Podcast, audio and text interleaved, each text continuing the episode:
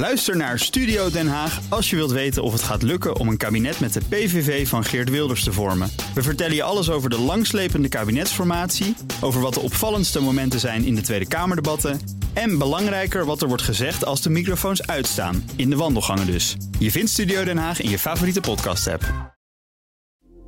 Dit is een BNR podcast. Volt op vrijdag. Geert-Jan Haan. Welkom bij Volt op vrijdag. De komende maanden volg ik Geert-Jan Haan de pan-Europese beweging Volt. Het is een journalistiek podcastproject over de enige supranationale partij binnen Europa die toewerkt naar de Europese verkiezingen in juni 2024. Dat is dus over een kleine vier maanden. En we kijken op allerlei niveaus naar hoe het Volt vergaat. En dat betekent dat we vandaag weer schakelen met Maastricht, want daar zit Romy Vrijtes. Dag Romy. Dag Geert-Jan, goedemiddag. Ja, je bent nu gewoon weer burgerlid van Volt Maastricht. Ik zeg het toch maar even. Um, hoe gaat het? Ja, klopt. Het gaat goed. We zijn weer druk bezig. Ik ben weer helemaal teruggeland in de lokale politiek. Dus dat is hartstikke fijn. En uh, ja, we gaan gewoon op dit niveau nu uh, door met het Voltgeluid laten horen. Ja, we spraken elkaar vlak na de Tweede Kamerverkiezingen. Toen jij eh, net niet in de Kamer bent gekomen. Je stond op, uh, op kandidaat parlementslidplek. Als dat een woord is, drie keer woordwaarde op, uh, op, op nummer zes. Uh, maar als vrouw hoopte je natuurlijk ook op misschien een, een kleine promotie naar boven. Het mocht helaas niet zo zijn, omdat jullie twee zetels hebben behaald nee. voor de Tweede Kamer. Ja, toen was het allemaal nog vers, hè, toen we elkaar op 1 december spraken. Hoe heb je de draad weer opgepakt ja. en hoe ben je de afgelopen 2,5 maand actief geweest op lokaal en, en nou ja, regionaal niveau? Ja. ja, hoe ik de draad weer heb opgepakt, dat is eigenlijk door. Um, ik, ik zat nog zo hoog in mijn energie dat ik zoiets had van: kijk, ik moet die energie op de een of andere manier moet ik die toch lokaal weer kunnen omzetten in iets positiefs. Um, dus toen hebben we, en dat heb ik volgens mij de vorige keer ook gezegd, ben ik uh, citylead geworden in Maastricht. Um, dus dat um, betekent eigenlijk dat ik het aanspreekpunt ben voor zowel de interne uh, organisatie als voor iedereen die uh, vanuit extern contact wil krijgen ja, met de fractie van Maastricht of de beweging in Maastricht. en dat houdt in dat we nu dus wat veel vaker bijeenkomsten eigenlijk organiseren. ook alle nieuwe leden heb ik geonboard die na de Tweede Kamerverkiezingen lid zijn geworden dat ze misschien toch juist nu zoiets hebben van um, dat positieve, progressieve Europese geluid moeten we gaan laten horen. Um, dus ik probeer een beetje de verbinding te zijn tussen alle leden, de fractie en het bestuur. Um, en we zijn ons langzamerhand aan het voorbereiden op de gemeenteraadsverkiezingen van, uh, van 2026. ja, en daar ben ik nu eigenlijk al mijn energie in aan het steken. naast dat gewoon de lokale dossiers natuurlijk uh, doorlopen op het gebied van economie en cultuur. We hebben een aantal onderwerpen die we zouden kunnen bespreken. Uh, om gelijk de pleister ja. van de wond te trekken, zullen we toch beginnen met dat Volt geen wethouder meer levert in Maastricht. En dat jullie uit de, de coalitie in de gemeenteraad zijn gestapt. Dat was eigenlijk vlak nadat we elkaar spraken. Begin december gebeurde dit. En uh, toen was ook het bericht uh, ja, dat jullie pas, wat is het, eind maart dit jaar weer een, een, een opvolger zouden kunnen leveren. Toen waren er weer coalitiepartijen die zeiden van nou, daar hebben we niet zo'n zin in. Wat, wat is er volgens jou gebeurd en uh, waar staat Volt nu? Ja, nou ja, dat speelde eigenlijk al zo uh, rond verkiezingstijd. Uh, dat we wisten dat onze wethouder destijds Anita Bastiaans ehm, ja, zou gaan vertrekken. dat kwam voor ons net zo goed als een verrassing als dat dat voor de buitenwereld en de coalitiepartijen als een verrassing kwam. Um, en toen heb ik eigenlijk meteen gezegd van... goh, ik wil me focussen op de Tweede Kamerverkiezingen. Um, dus laat me er even buiten. Dus ik heb dit niet eerste hand meegemaakt. Uh, maar natuurlijk wel uh, uh, zeker na de Tweede Kamerverkiezingen nou bij betrokken geweest. Um, en wat er eigenlijk is gebeurd is dat wij toen we hoorden dat Anita ging opstappen... dat we meteen op zoek zijn gegaan in onze kringen naar... oké, wie zou een geschikte wethouderskandidaat zijn... om die positie, die toch wel cruciale positie op het sociale domein over te nemen... Um, en we hebben heel veel gesprekken gevoerd. Uh, maar omdat we ook uh, ja, gewoon een nieuwe jonge partij zijn. Uh, we hebben niet een laadje ergens zitten waar we een lading aan wethouders, geschikte wethouders uit kunnen, kunnen trekken. En bij ons stond kwaliteit, maar ook um, dat we die persoon ja, vertrouwden en dat we daar een goede band mee hadden. Dat stond wel bovenaan ons prioriteitenlijstje. nou, toen hadden we dus iemand gevonden die door ouderschapsverlof in totaal zes weken, waarvan één week deze week was, en dat is de carnavalsweek, um, ja, niet werkzaam zou kunnen zijn. Dus uiteindelijk hebben we gezegd, nou, die persoon die zou 1 januari kunnen starten um, en dan een aantal weken met ouderschapsverlof gaan. En daarna kan hij de draad volledig oppakken als wethouder. Um, en daar is uiteindelijk, ja, zijn we over gevallen en hebben we geen overeenkomst kunnen bereiken. Ja, waardoor we um, ja, eruit zijn gezet, eruit zijn gestapt. We in ieder geval geen onderdeel meer konden uitmaken van de coalitie, omdat wij niet uh, een andere kandidaat uh, wilden en konden leveren. Dus dat is eigenlijk uh, wat er gebeurd is. Maar je, is, uh, sorry dat je onderbreek, Romy, maar je zegt net de, de volgende ja, nee, gemeenteraadsverkiezingen zijn op, in 2026. Dus de wethouder die jullie zouden ja. voordragen, die zou ook nog tweeënhalf jaar dan zitten. Ja. ja, best wel een tijdje. Ja, dus voor ons was het ook onbegrijpelijk dat die paar weken um, de doorslag zouden geven. Zeker als je nu ziet um, dat de, de vervangende wethouder, zeg maar, die dus nu is aangesteld, die begint dus nu, volgens mij ongeveer. Oh, dat is zes dus weken na 1 januari. Uh, schieten ze er niet zo heel veel mee op? Nee, ja, dus ja, ja. Word je, word je hier cynisch van? Dat je denkt van, nou, politiek is dus uh, blijkbaar toch nog niet zo uh, menselijk of sociaal? Nou ja, wat, ik, wat, wat me vooral echt, um, waar ik echt mee heb gezeten, is dat er dus heel veel situaties door heel Nederland zijn. waarin wethouders of kandidaat-wethouders. Um, die zitten in zo'n gekke positie, omdat zij dus ja, niet echt een. Um, hoe zeg je dat? Een, een baas hebben of zo. Of een.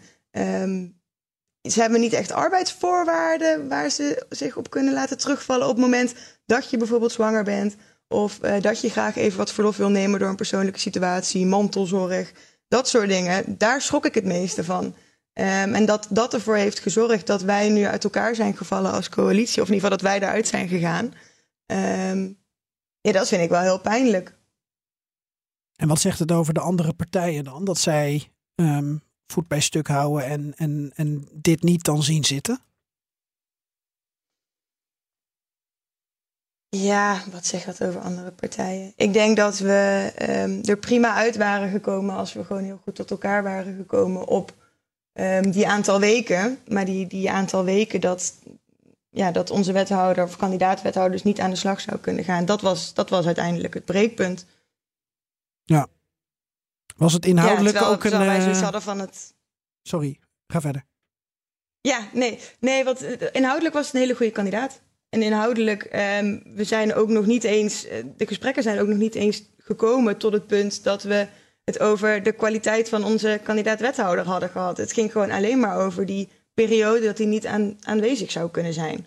Terwijl je eigenlijk het gesprek zou willen hebben over van waarom willen wij deze kandidaat voordragen, ook al is hij een aantal weken niet aanwezig.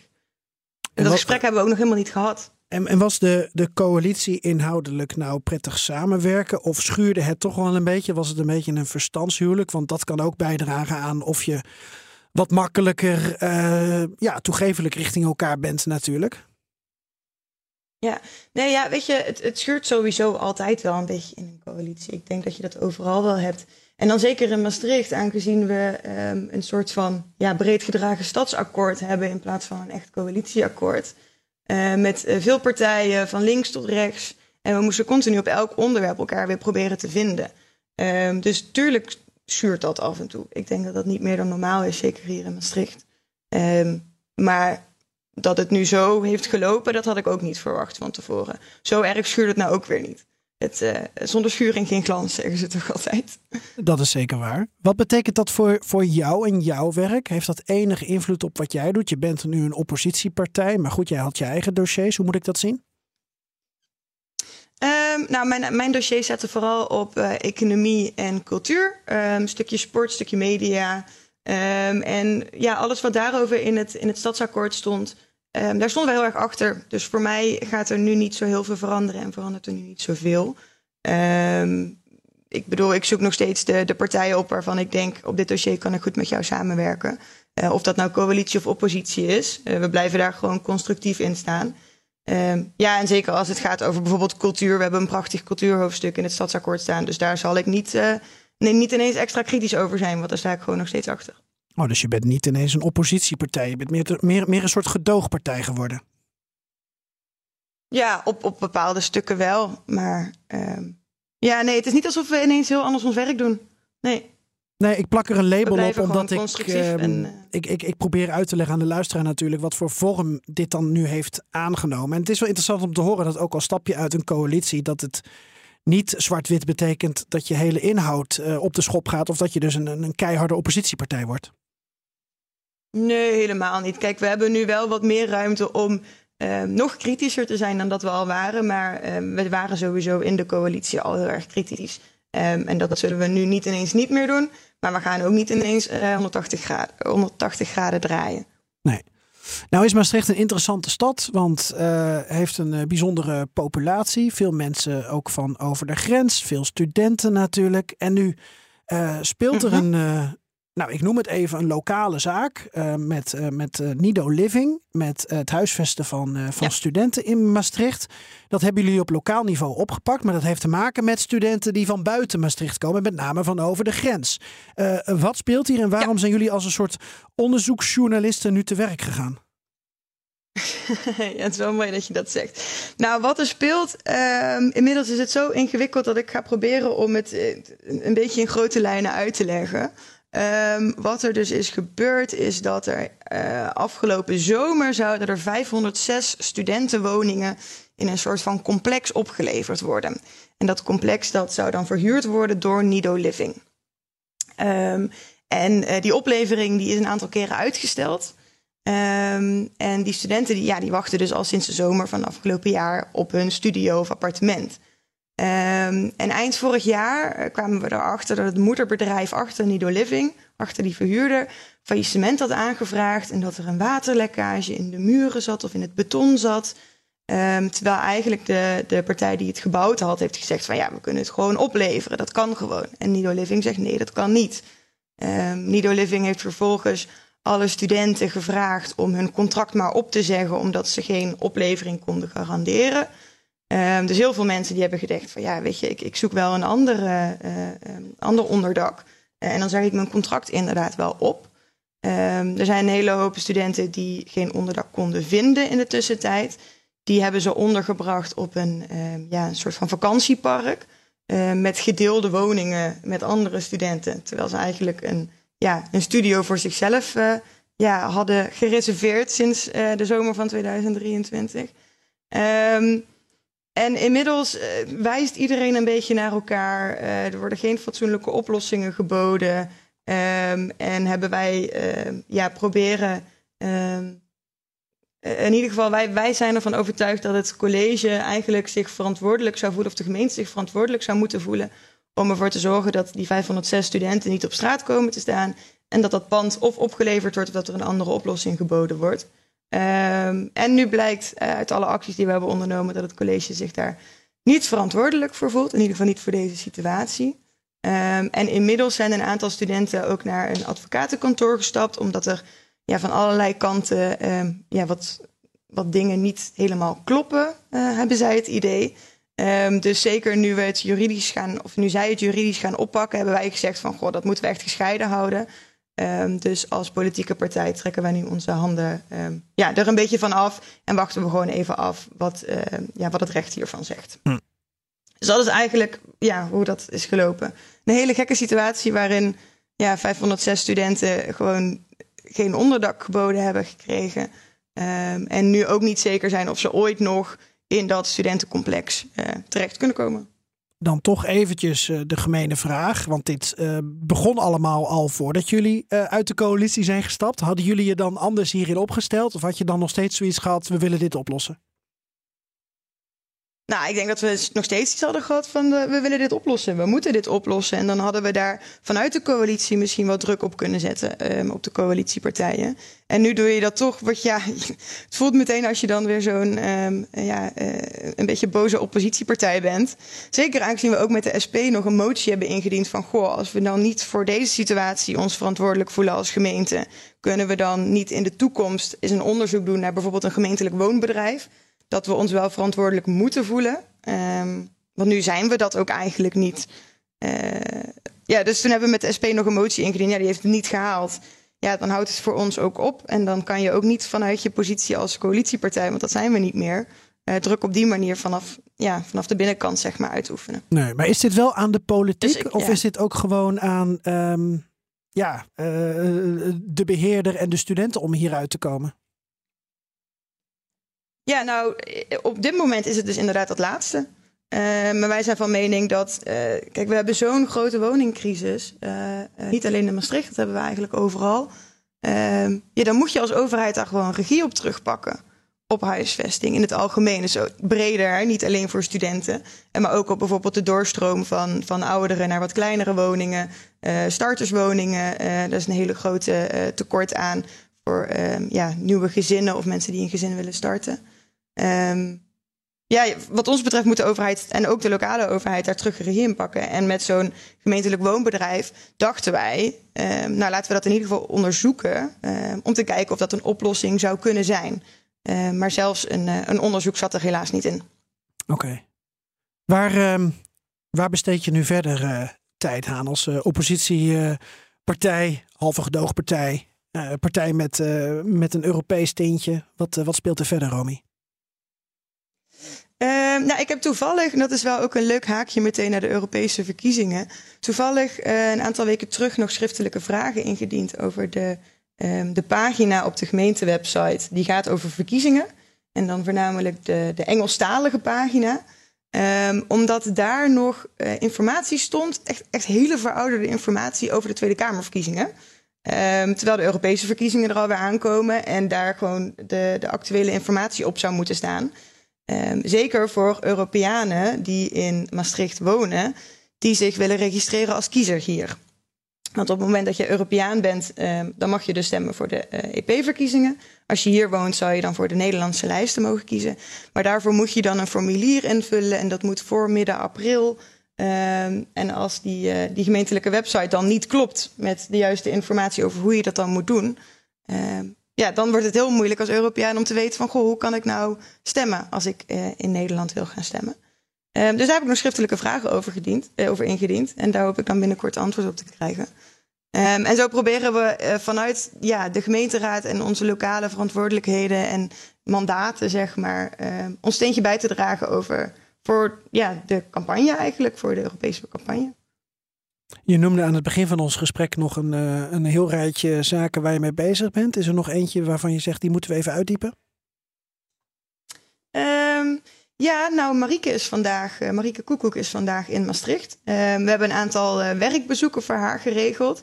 Um, en vooral ook in het kader van, goh, wij zijn heel goed in, ja, we hebben heel veel kennis over het, het grote Europa als Volt zijnde. En zeker vanuit de Tweede Kamer laten we heel erg dat Europese geluid horen. Maar um, echt het kleine Europa van de, de, de regio's en van de grensregio's, daar kunnen we echt nog heel veel terrein op winnen, wat ons betreft, ook in de Tweede Kamer. Dus uh, Marieke is in Maastricht en die gaat in gesprek met een aantal grenswerkers. En ze gaat in gesprek met ITEM. Um, en ITEM is uh, gelieerd aan de universiteit hier in Maastricht. En dat is het Institute for Transnational and Regional Cross-Border Cooperation and Mobility. Um, ik heb een aantal keer geoefend voordat ik deze uh, uit Uitstekend. wist.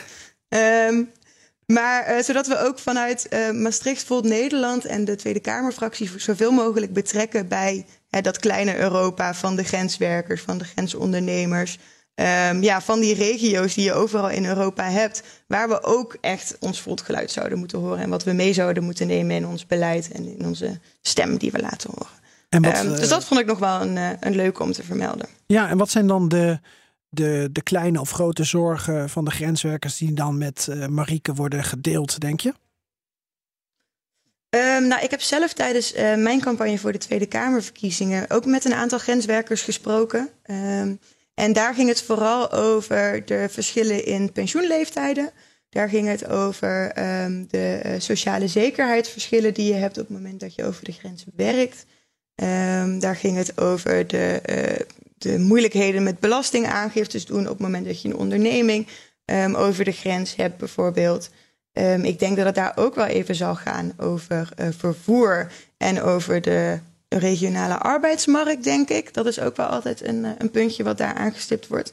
Dus ik denk vooral als het gaat met, met, met grenswerkers over van... goh, waar lopen zij nu allemaal tegenaan... en wat zijn nu concrete problemen waar we eigenlijk al ik denk al een jaar of twintig of zo, proberen om oplossingen voor te vinden. Maar er worden maar geen oplossingen gevonden, want het is te ingewikkeld. En we werken niet genoeg samen tussen um, vooral nu Nederland, België en Duitsland dan. Ja. Dus ik denk dat, dat, uh, dat Marieke daar nu ook in, uh, in wordt meegenomen vandaag. Dus dan moeten jullie het maar doen, als niemand het al twintig jaar oppakt. Ja, ik, ik ben dus heel benieuwd hoe dat dan de afgelopen twintig jaar is gegaan. Want uh, er kwam een tijdje terug, dat was ook tijdens de, de campagneperiode kwam iemand naar me toen die zei: Ja, Romy, ik waardeer je heel erg dat je hier zo erg voor inzet voor die grenswerkers en de grensregio's.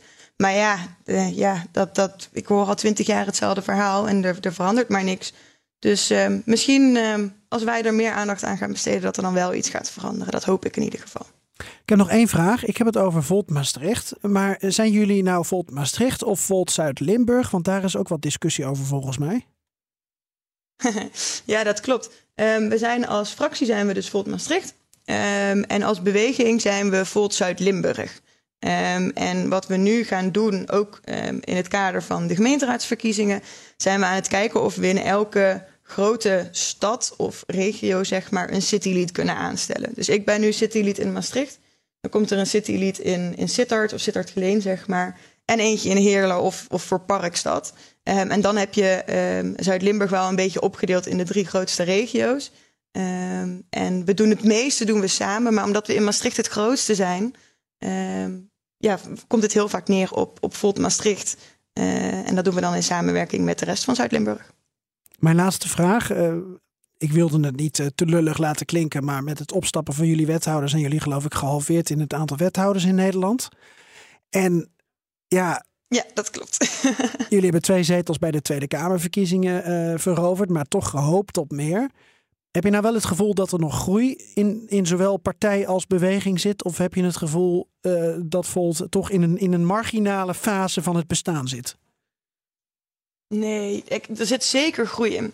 Um, ik heb nu dus toegang gekregen tot het, uh, ja, het portaal, zeg maar, waarin alle nieuwe leden terechtkomen. Of het, het, ledenbestand, zeg maar zodat ik alle nieuwe leden uh, kan bellen om ze te onboorden en uh, ervoor te zorgen dat ze op de juiste plek belanden um, op het moment dat ze actief zouden willen worden. En er stromen wekelijks nog echt, echt een hele hoop nieuwe leden stromen daar binnen in, in dat ledenbestand.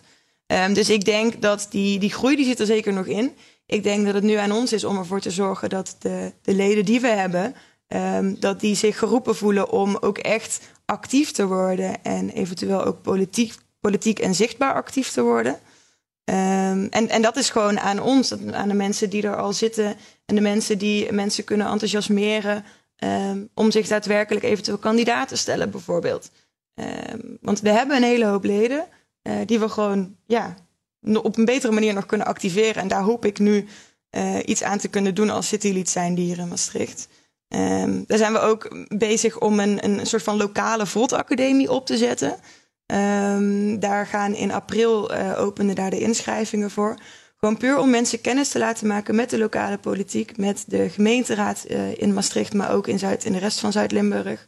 Um, om mensen misschien hun ambitie los te maken om toch die stap te zetten om, om zichtbaar politiek actief te worden.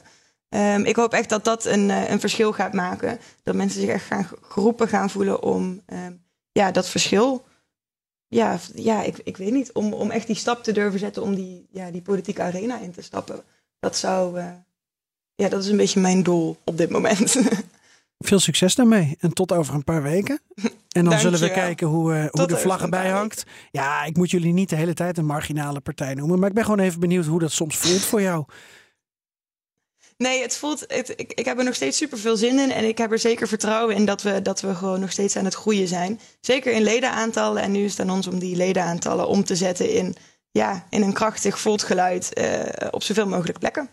Goed zo. Dankjewel, Romy Vrijters van uh, Volt Maastricht. En uh, tot de volgende keer. Tot de volgende keer. Dit was Volt op vrijdag. Tot vrijdag. Bij BNR ben je altijd als eerste op de hoogte van het laatste nieuws. Luister dagelijks live via internet. Bas van Werven. En heel langzaam komt de zon op rond dit tijdstip. Je krijgt inzicht in de dag die komt op BNR, het Binnenhof in Nederland en de rest van de wereld. De Ochtendspits. Voor de beste start van je werkdag. Blijf scherp en mis niets.